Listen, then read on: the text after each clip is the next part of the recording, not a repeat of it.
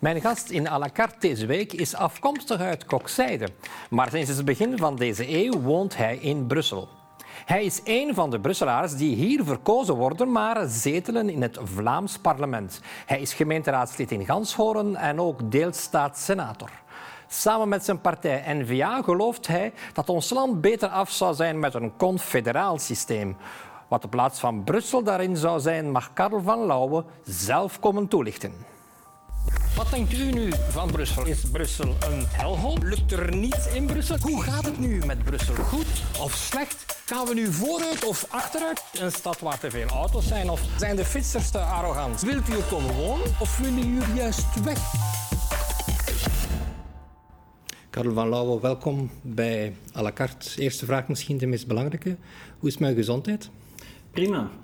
Dus ik heb inderdaad uh, vorig jaar COVID gehad. Ik heb een week in het UZ Brussel in, in Jette gelegen. Ik ben er heel goed verzorgd, heel tevreden, ook een heel goede opvolging. Ik heb nog wel een paar weken zo wat gesukkeld, wat ademhalingsproblemen. Dat was ook de reden waarom ik moest opgenomen worden, maar eigenlijk nu... Maar dat was allemaal vorig jaar, bij het begin eigenlijk? U was... Ik was echt... Uh, een van de eerste? Ik was een van de eerste. Ik zag toen die statistieken, die cijfers stijgen. Ik was daar één van, maar uh, ik was vooral tevreden van een heel goede zorg. Ook heel blij dat het ja. Nederlandstalige zorg was in, het, in, in Brussel. Maar eigenlijk gaat het heel goed, dus... Toch een positieve boodschap. Het gaat zeer ja. goed met u. Uh, u staat gekend als een zeer actief parlementair. U stelt veel parlementaire vragen. U bent zeer erg begaan met de stad waar u een kleine twintig jaar uh, woont. u kijkt veel naar Brus. En u stelt daar ook veel vragen over. U bent, hoe zou, hoe zou je jezelf om, omschrijven, een coole minnaar van Brussel? Van ik Brus? ben uh, positief kritisch tegenover Brus. Ik vind dat Brus als Vlaams-Brussels medium uh, een absolute noodzaak is voor de Brusselse Vlamingen, voor mensen die zich betrokken voelen bij de Vlaamse uh, gemeenschap. Uh, het is ook zo dat Brus natuurlijk een gesubsidieerd medium is. En dan vind ik dat inderdaad wij als politici, wij ook een soort van aandeelhouders, toch wel moeten toezien of die gelden goed besteed worden. Het is wel een beetje een, een, een gevoelig domein natuurlijk. Hè? Moet de redactie zich aanpassen aan, aan de geldschieters? Ik zeg, de redactie is natuurlijk vrij, maar je maakt natuurlijk afspraken. Als je inderdaad geld, uh, subsidies ter beschikking stelt van Brus, dan mag je natuurlijk ook wel verwachten dat Brus eigenlijk, ja, dat wordt geregeld in een beheersovereenkomst, dat er afspraken worden gemaakt en dat Brussel dat ook uitvoert. Dat wil zeggen, je moet op een goede, correcte, objectieve... En vindt u dat Brus dat niet altijd uitvoert? Ik vind dat het... Uh, je moet aan zelfkritiek kunnen doen. Mm-hmm. Ik vind dat Brus ook aan zelfkritiek moet doen. Ik vind dat Brus goed, correct informeert. Soms denk ik dat er toch wel iets objectiever, uh, misschien diverser. En wat voor mij ook heel belangrijk is, want dat was ook de, de doelstelling van Brus, een sterke band Vlaanderen, Vlaamse gemeenschap, met uh, onze hoofdstad, met mijn stad, met Brussel. Dat vind ik heel belangrijk. En, en dat gebeurt is... dat te weinig, vindt u? Ik vind dat dat beter kan. Ik vind dat er inderdaad door Brus de nadruk kan en mag gelegd worden op op wat Vlaanderen, wat de Vlaamse gemeenschap in Brussel doet. Ik verwijs naar het sterk Nederlandstalig onderwijs. Je mag kritiek geven, uiteraard, als medium, maar je moet ook kritiek kunnen verdragen, uiteraard wanneer Vlaanderen investeert in dat onderwijs en er capaciteitsproblemen zijn, dan mag je ook zeggen, ja, maar er is bij de Franse gemeenschap misschien een probleem waardoor heel wat anderstaligen naar dat Nederlandstalig onderwijs gaan. Je mag inderdaad wijzen op het aanbod van, van de vele culturele instellingen, maar je mag ook naar die kleinere initiatieven, die gemeenschapscentra, die lokale dienstencentra. Ik wil dat Brus zijn taak eigenlijk uitvoert die er verwacht wordt uh, van Brus. Als we natuurlijk zeggen, ja, ik kan evengoed een krant kopen of een ander medium hele dagen bekijken, wat dat er misschien meer of minder uh, informatie. Ik kan ook Franstalige kranten kopen die La Capitale, die ook hele dagen over Brussel uh, informeren. Maar dan denk ik dat Brussel een heel specifieke opdracht heeft ja. voor uh, de maar u Vlaamse vaak gemeenschap. over dat, over dat middenveld. U hebt, u heeft daar een vraag over, over gesteld in de, in de commissie en de algemene vergadering van het Vlaams parlement aan minister Dalle. U verwijt Brus een beetje dat die band met dat typisch Vlaams-Brusselse middenveld een beetje doorgeknipt heeft, verwaarloosd? Ik, uh, ik stel vast dat er in Brus soms een tendens bestaat van, kijk, we zijn hier Brusselaars, sommigen zijn Nederlands, sommigen zijn Franstalig, een bepaalde Brusselse identiteit wordt gepromoot. Wel, ik ben Brusselaar, ik erken die stadsidentiteit, net zoals die ook in Gent of in Aalst of in Antwerpen bestaat. Ik erken dat er een stadsidentiteit maar ik zou ook willen dat er erkend wordt dat er een Vlaamse gemeenschap is met een bepaalde identiteit, een cultureel leven dat er bestaat in Brussel, naast onze goede Franstalige vrienden die dat ook hebben. En dan denk ik dat Brus misschien daar nog meer aandacht. Ik zeg niet dat ze dat niet doet. Misschien kan er daar nog meer aandacht. het gevaar niet als ik met jongere mensen, jongere Nederlandstalige Brusselaars die accenten liggen helemaal anders, die gevoeligheden liggen helemaal anders. Wat ik zelf nog heb meegemaakt uh, 30 jaar geleden, dat is nu toch een beetje verdwenen. Er is een nieuwe generatie van jonge Brusselaars, jonge Brusselse gezinnen, vaak taalgemengd ook, mhm. die veel minder bezig zijn met die Vlaamse identiteit, die zich eerder Nederlandstalige Brusselaars zullen voelen. Wel, uh, dat kan zijn, hoe, hoe, men zichzelf noemt, dat doet er natuurlijk niet toe. Maar je spreekt natuurlijk over een medium dat een bepaalde taak heeft om te informeren over, over de stad waarin dat we wonen, maar tegelijkertijd over dat aanbod op wat Vlaanderen, de Vlaamse gemeenschap in Brussel doet. En iedereen kent dat succesverhaal van het onderwijs. Iedereen ziet die capaciteitsproblemen. Maar die hebben natuurlijk ook te maken met bepaalde problemen die er bijvoorbeeld in het Franstalig onderwijs bestaan. Je ziet dat heel wat Frans en anderstaligen zeggen: wij kiezen voor dat Nederlandstalig onderwijs. Uh, omdat misschien de meertaligheid daar meer benadrukt wordt, omdat er andere accenten wordt gelegd. Ik zeg niet dat het ene goed is en het andere uh, slecht is, maar dan denk ik dat Brus misschien toch wel de taak heeft om die band te benadrukken, om te zeggen waarom Vlaanderen inderdaad investeert. We kennen het, 1 miljard euro per jaar investeert Vlaanderen in uh, Maar dat is toch Brussel. dat Brus regelmatig herhaalt en bent je ook niet bang dat bij... Ik heb het dan over die nieuwe generatie, jonge mensen, 20, 30 of 40 jaar, dat die geen behoefte hebben aan het voortdurend herhalen dat Vlaanderen een grote inspanning doet, omdat ze met andere zaken bezig zijn. Vreest u niet een beetje al een generatieprobleem, dat u met uw partij eigenlijk toch een beetje achterloopt? Ik heb soms zelf dat gevoel, als 63-jarige, dat ik niet goed begrijp uh, die identiteitsvragen van die jonge Brusselaars zijn helemaal anders dan de vragen die ik mij stelde. Wel, mijn partij is de tweede Vlaamse partij in, in uh, Brussel geworden. Wij hebben jongere kiezers, wij hebben oudere mhm. kiezers. Ik stel vast dat de klassieke partijen dat wij die ondertussen hebben uh, ingehaald. Natuurlijk, de verkiezing dateren van twee jaar geleden. Maar nu dat wij zouden achterop lopen, dat betwist ik toch uh, wel. We hebben de laatste jaren telkens verkiezingen gewonnen. We zagen dat bij de mhm. gemeenteraadsverkiezingen. Wij zijn eigenlijk de enige partij die erin slagen om met eigen lijsten verkozenen uh, te halen. Dus ik betwijfel toch wel dat wij achterop lopen of die voeling zouden verloren hebben als dat zo zou geweest zijn, dan zouden wij niet de tweede partij. Nou, u weet natuurlijk ook dat Brussel een stad is die de laatste twintig jaar, uh, sinds u hier aangekomen bent, is die stad geweldig beginnen veranderen. Er is een bevolkingstoename van 20 Ja. Er zijn er 180 uh, nationaliteiten. Het is eigenlijk een stad geworden waar er geen, geen meerderheden meer zijn, waar er enkel minderheden zijn, de ene al groter dan de andere. Dat is toch geen gemakkelijke situatie om, om als Vlaams-nationalistische partij in te functioneren. Oh, ik denk, uh, een Vlaams-nationale partij heeft hier altijd bestaan in Brussel de Volksunie, uh, in VA. We hebben hier altijd succes, ook wel verliezen uh, gekend. Maar we zijn altijd met een bepaald aanbod naar die kiezer uiteraard gegaan. Ik herken zeker dat die stad niet meer hetzelfde is als 20, 40 jaar geleden. Maar natuurlijk moeten wij als Vlamingen, als Brusselse Vlamingen, wel blijven opkomen voor onze rechten. En dat gaat nu in heel deze coronacrisis over die uh, zorgverlening in het Nederlands. Mm Je kan natuurlijk zeggen, och, mensen liggen daar niet meer wakker van, tot ze in dat vaccinatiecentrum zijn en er een dokter, uh, de dokter of de verpleegkundige niet kan antwoorden op een eenvoudige vraag of dat dat vaccin wel geen, geen neveneffecten kan hebben met mhm. andere medicatie, dan gaat ook die jongere zeggen, ja maar ik verwacht in mijn eigen stad toch dat ik wel kan geholpen worden in mijn eigen taal. En dan zie je dat daar toch nog wel een probleem is. Iedereen zegt, ja, dat is een oud zeer, heel die taaldiscussies. Tot men geconfronteerd wordt met een politieagent die u niet kan helpen bij een inbraak in het Nederlands. We hebben recent het voorbeeld van die twee jonge meisjes die het slachtoffer uh, waren en twee agenten die hun, niet konden helpen. Ook die jongeren stellen dan vast, maar ik stel ook vast dat die vele jonge gezinnen er toch wel wrijven om hun kinderen naar dat Nederlandstalig onderwijs te sturen.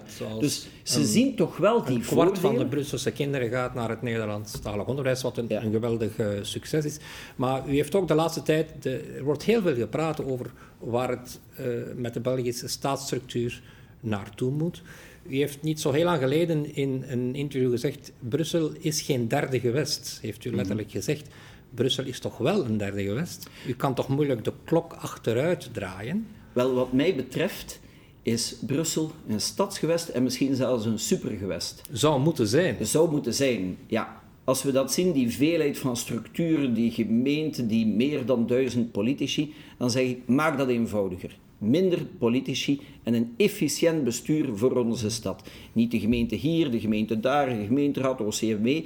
Zorg ervoor dat er één sociaal beleid is één veiligheidsbeleid voor heel die stad. Niet dat men van de ene zone naar de andere moet komen, dat men een parkeerbeleid voert in zijn eigen grenzen van de gemeente, maar zorg er eigenlijk voor dat Brussel u zegt een derde gewest, ik zou zeggen een stadsgewest, een supergewest met meer bevoegdheden. Een gewest dat al die gemeentelijke bevoegdheden uh, ook heeft, zodat er eenvoudiger, efficiënter bestuurd kan worden, zodat die Brusselaar weet, oké, ik zit met dat probleem, dan moet ik bij die dienst zijn. Niet afvragen, oei, moet, moet ik nu bij de gemeente, moet ik bij het gewest zijn, voor een sociaal probleem moet ik bij het OCMW zijn of moet ik daar zijn.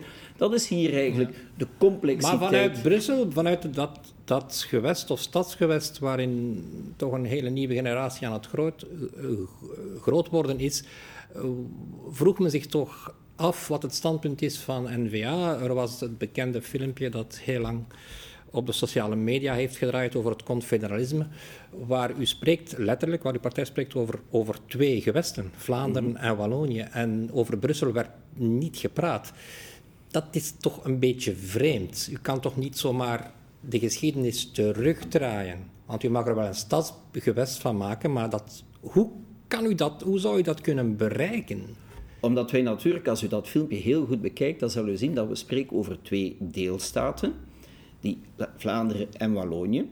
En dan heb je Brussel als stadsgewest, die eigenlijk ook een soort van gedeelde stad moet zijn, die ook toekomt aan de Vlamingen, want ze is een hoofdstad die ook toekomt aan de Franse gemeenschap. Franse gemeenschap Wallonië, dat moet uh, uitgemaakt worden. We hebben dan natuurlijk ook nog de Duitsstalig, maar dat is een, een andere discussie. Wij zien een hoofdstad als iemand die zich niet moet concurreren met twee andere, een région à part entière. Mhm. Nee, nee, wij zien eigenlijk die hoofdstad als iemand die erboven moet staan, waar iedereen ook de voordelen van moet kunnen, maar waar iedereen natuurlijk ook mag zeggen van, kijk, ja, als hoofdstad het kan daar op dat punt of dat punt uiteraard beter. Ik vind het soms merkwaardig dat men zegt, ja, we zijn toch een derde gewest? Ik zou zeggen, nee, we zijn een hoofdstad, een supergewest, een, een, een, een stadsgewest. Maar we moeten ons dan ook hoofdstedelijk gaan gedragen en maar niet dat zeggen... is natuurlijk, u kan dat standpunt formuleren, mhm. maar u weet dat aan Franstalige kant dat niet zal aanvaard worden, omdat men zegt, Brussel, er zijn drie, uh, drie gewesten. Men kan er naar een. Er wordt nu veel gesproken over een gewestvorming met vier. Maar zeggen dat het statuut van Brussel veranderd zou worden, maar dan eerder een beetje verminderd zou worden, is toch zeer moeilijk te verkopen aan Franstaligen. Wel, als ik, ik probeer mijn Franstalige vrienden ervan te overtuigen dat vereenvoudig het, minder structuren, zorg dat eigenlijk heel die structuren van die gemeente weg zijn en maak daar dus eigenlijk dat, dat echt hoofdstedelijk stadsgewest uh, van. En vergelijk u niet zomaar met, met uh, Vlaanderen als gewest of Wallonië als gewest, maar zie het een beetje zoals Washington. Washington DC staat eigenlijk ook boven uh, die 50 staten in de Verenigde Staten. Maakt geen deel uit ervan. Heeft helemaal niet hetzelfde statuut. Maar u draagt u een beetje als echt een, een hoofdstad. Een hoofdstad met een open maar gaat het niet in met wat er toch in Brussel gezegd wordt over die Brusselse identiteit? Of gelooft u daar niet in?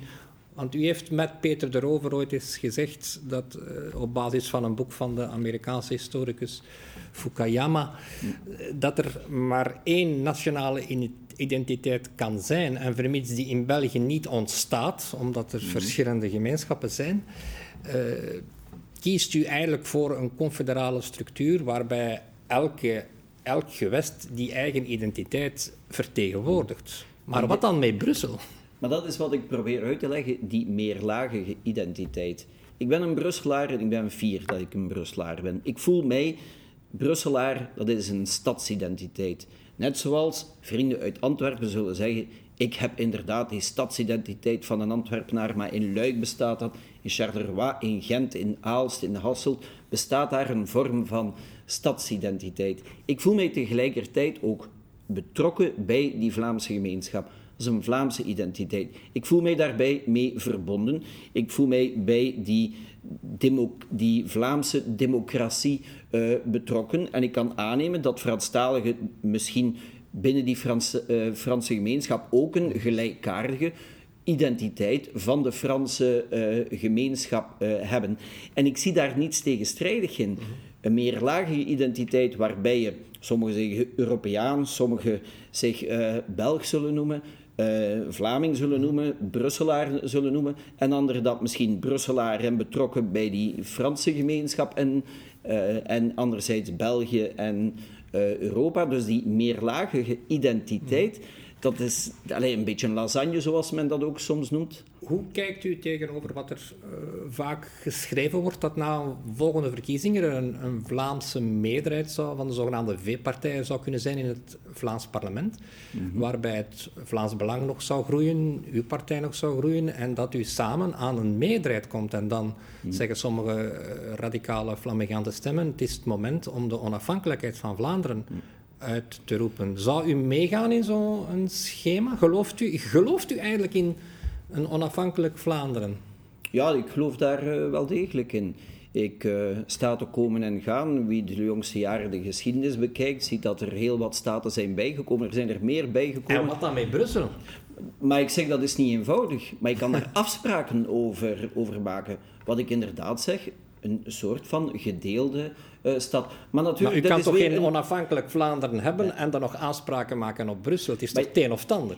Wat ik eigenlijk wil uitleggen is, je moet stap voor stap zetten. Ons idee is van, we gaan naar een soort van confederaal België, een confederatie. Dat is waarbij twee deelstaten beslissen wat gaan we samen nog doen. En dan maak je ook afspraken hoe gaan we, samen uiteraard met de Brusselaars, hoe gaan we die stad Brussel daarin positioneren. Maar nu heeft u het weer over het confederalisme, terwijl u net heeft gezegd dat u voor een Vlaamse onafhankelijkheid bent. Dat is toch iets helemaal anders. En dat zou concreet kunnen worden als er een Vlaamse meerderheid is in het volgende Vlaams, Vlaams parlement. Wel, u loopt natuurlijk bijzonder vooruit op de, Politiek op de verkiezingen. Ja, u loopt bijzonder vooruit. We zijn ook realisten. Wij weten dat er op dit ogenblik geen meerderheid uh, Maar uw doel blijft toch die Vlaamse onafhankelijkheid. Dat blijft u toch een doel en een streven vinden. Dus dat confederalisme is maar een, een tussenstation. Ik ga, maar ik ga niet mijn partijprogramma ontkennen, absoluut niet. Maar ik erken wel dat je bepaalde stappen zet. Evolutie. Wij zijn geen revolutionairen. Uh, sommigen zouden dat misschien wel graag verkondigen, dat wij revolutionair Wij zijn voor een evolutie. We stellen vast dat België enorm geëvolueerd is, institutioneel. Brussel is ook enorm veranderd, ook institutioneel uh, veranderd.